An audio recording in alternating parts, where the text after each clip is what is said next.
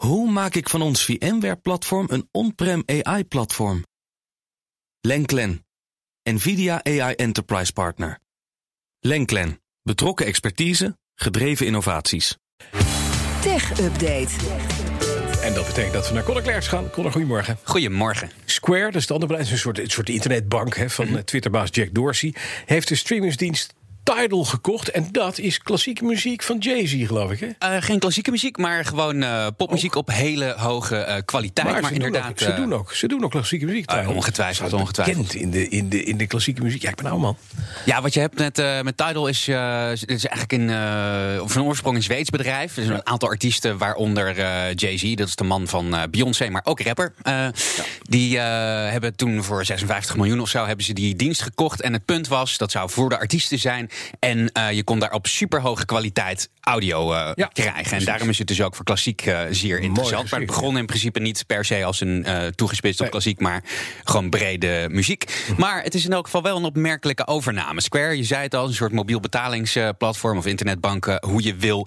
En die hebben 297 miljoen dollar neergelegd voor een meerderheidsbelang in Tidal. En Jay-Z die gaat meteen ook in de board van Square zitten. En Tidal blijft onafhankelijk opereren. Oké, okay, en wat doet Met een streamingsdienst? Ja, dat is nou best wel heeft, een goede vraag. Hij heeft Twitter, dat is, dat is klets op afstand. Dan heeft hij bankieren op afstand. En Mhm. mm -hmm. u, muziek op afstand. Ja, precies. Hij ja. zegt zelf uh, dat, hij het, uh, dat die twee bedrijven gaan samenwerken om eigenlijk nieuwe manieren te vinden om artiesten te betalen. Oh, Want hij is een hele lieve man, hè? Aardig, hè? Aardig van hem. Nou. Het moet uh, via Square makkelijker worden om bijvoorbeeld merchandise van uh, artiesten te kopen. Maar ze kijken ook naar nieuwe technieken. Met name naar NFT's. Ik weet niet of je daar al van, wel eens van gehoord hebt. Dat zijn non-fungible tokens. Die zie je de laatste tijd steeds meer opduiken in de kunst- en de muziekwereld. Mm.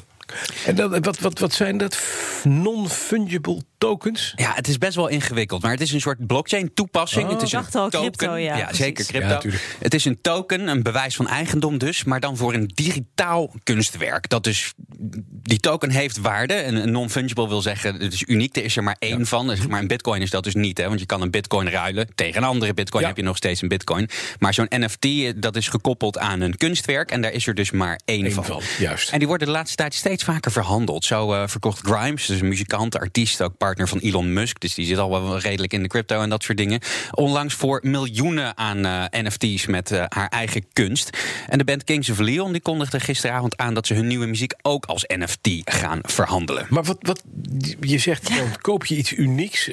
wat, wat krijg je als je een NFT koopt? Ja, daar wordt hij nog ingewikkelder. Je ja. koopt eigenlijk het eigendomsrecht van een uniek digitaal kunstwerk. Maar digitale kunst is per definitie eigenlijk niet uniek. Want stel, ik uh, heb een foto gemaakt van. Uh, mezelf, laten we zeggen, een foto van mij. En uh, daar koppel ik zo'n NFT aan en die koop jij. Dan is er ja. niets wat mij weerhoudt om diezelfde foto, die JPEG, gewoon naar Nina te appen. En heeft Nina dezelfde foto. Jij blijft dan wel die eigenaar. En jij kan nog steeds wel die NFT, die, het eigendomsrecht daarvan, verhandelen. Dus stel jij verkoopt die aan, laten we zeggen, Roelof Hemme. Ja. Dan kun je ook nog in die NFT inbouwen dat ik als maker weer een percentage daarvan krijg. Ja, dus het kan voor artiesten en kunstenaars kan het interessant, interessant zijn, zijn, om um, waarde aan hun eigen werk te koppelen. Ja, en dan is het inderdaad wel slim dat je kijkt naar blockchain. Hè. Dit, Mhm. mm -hmm. Dus dat ding heeft een waarde. Als je dat dupliceert, wat je niet doet, maar alleen maar ergens laat zien, ja. dan zit er een betaalmodel aan. Exact. En ik begrijp dat meneer eh, Square daar ook blij van wordt. Ja, ja Jack, Jack Dorsey. Dorsey die is ook uh, best wel van de crypto en die, die vindt dat wel interessant. Ja. En ik zit er een beetje naar te kijken naar wie kopen deze dingen nou en voor wie is het nou echt. Uh, um, tastbaar. Want ja. een beetje hetzelfde als met, uh, met blockchain zelf, bijvoorbeeld, of met um, uh, Bitcoin zelf. De echte toepassingen die zijn nog een beetje vaag af en toe. Ja. Ik zie het nu nog uh, vooral als een soort speeltje voor rijke kunstverzamelaars. Want ja, bij digitale kunst die je gewoon kan kopiëren. Het enige wat je nu eigenlijk koopt is een soort opscheprecht. Ik ben de eigenaar. en mensen zijn hele gekke dingen ook aan het ja. verhandelen. Iemand heeft Nyan Cat, dat is een beroemde meme van vroeger, ook voor tientallen duizenden dollars verkocht. Het eigendomsrecht daarvan, ja, dat ding is overal op het internet. Ja, maar als je alle nummers van de Beatles bijvoorbeeld in één keer kunt kopen. Dat is ooit gedaan met de muziekrechten van, uh, van de Beatles door uh, Michael Jackson. Ja, die zou je. Je zou dat dus inderdaad kunnen alle zetten, maar liedjes zou je NFT kunnen doen. Die kun je ook gewoon natuurlijk uh, zonder een NFT verhandelen, want dat gebeurt dat is aan de, hand, aan de lopende band. Maar ja. Daartegenover, de kunstmarkt is sowieso natuurlijk een beetje een malle plek. Want je kan ook honderden miljoenen of, uh, neerleggen voor een Rembrandt of een Van Gogh. En als het je echt om die afbeelding gaat, zou je ook gewoon een printje kunnen kopen. Goeie briefkaart, precies. Ja. voor, voor, een paar, uh, voor een paar tientjes, ja. bij wijze van spreken. Maar we gaan het in elk geval wel, denk ik, steeds vaker zien. Dus interessant om in de gaten te houden. Oké, okay. en dan werkt Alphabet aan een super gehoorapparaat? Ja, Moonshot uh, met name. Dat is de divisie van Alphabet waar ze maffe dingen uitproberen. Denk aan dat project toen met internet uit luchtballons ja. en uh, onderwatercamera's om vissen te tracken. Daar zijn ze nu uh, met iets nieuws bezig. Het gaat om codename Wolverine. En dat zou een soort gehoorapparaatje zijn. Maar dan moet het je een soort superoren gaan geven. En ze werken aan allerlei verschillende toepassingen daarvan.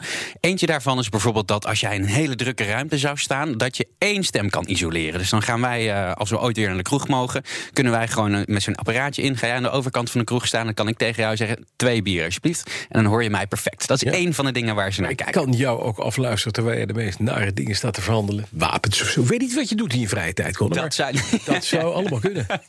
Wapenhandel beperk je ja. tot het weekend. Ja, maar um, nee, ze zijn eigenlijk zijn ze nog wel heel erg open met alle toepassingen. Ze kijken naar een heleboel verschillende dingen. En ze hebben uh, ook uit allerlei um, bedrijven die gehoorapparaten maken. En ze hebben ze ingenieurs aangetrokken. Dus wat het precies gaat worden, dat is nog uh, de vraag. Maar uh, in elk geval ook alweer best wel cool, vind ik. Het is wel gaaf. Ja.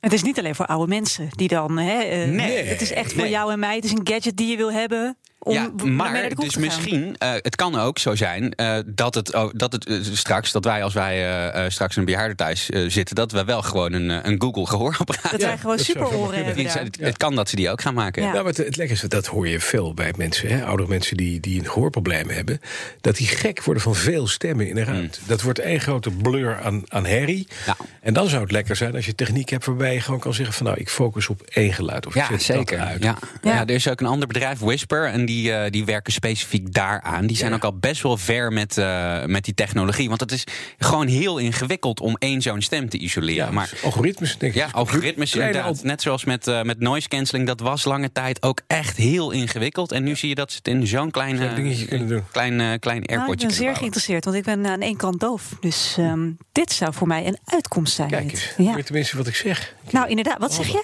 Zei je wat? Oké. Okay. Dankjewel, Conor Klerks. De BNR Tech Update wordt mede mogelijk gemaakt door Lenklen. De Ochtendspits. Bas van Werven. Hoe maak ik van ons VMware-platform een on-prem AI-platform? Lenklen, NVIDIA AI Enterprise Partner. Lenklen, betrokken expertise, gedreven innovaties.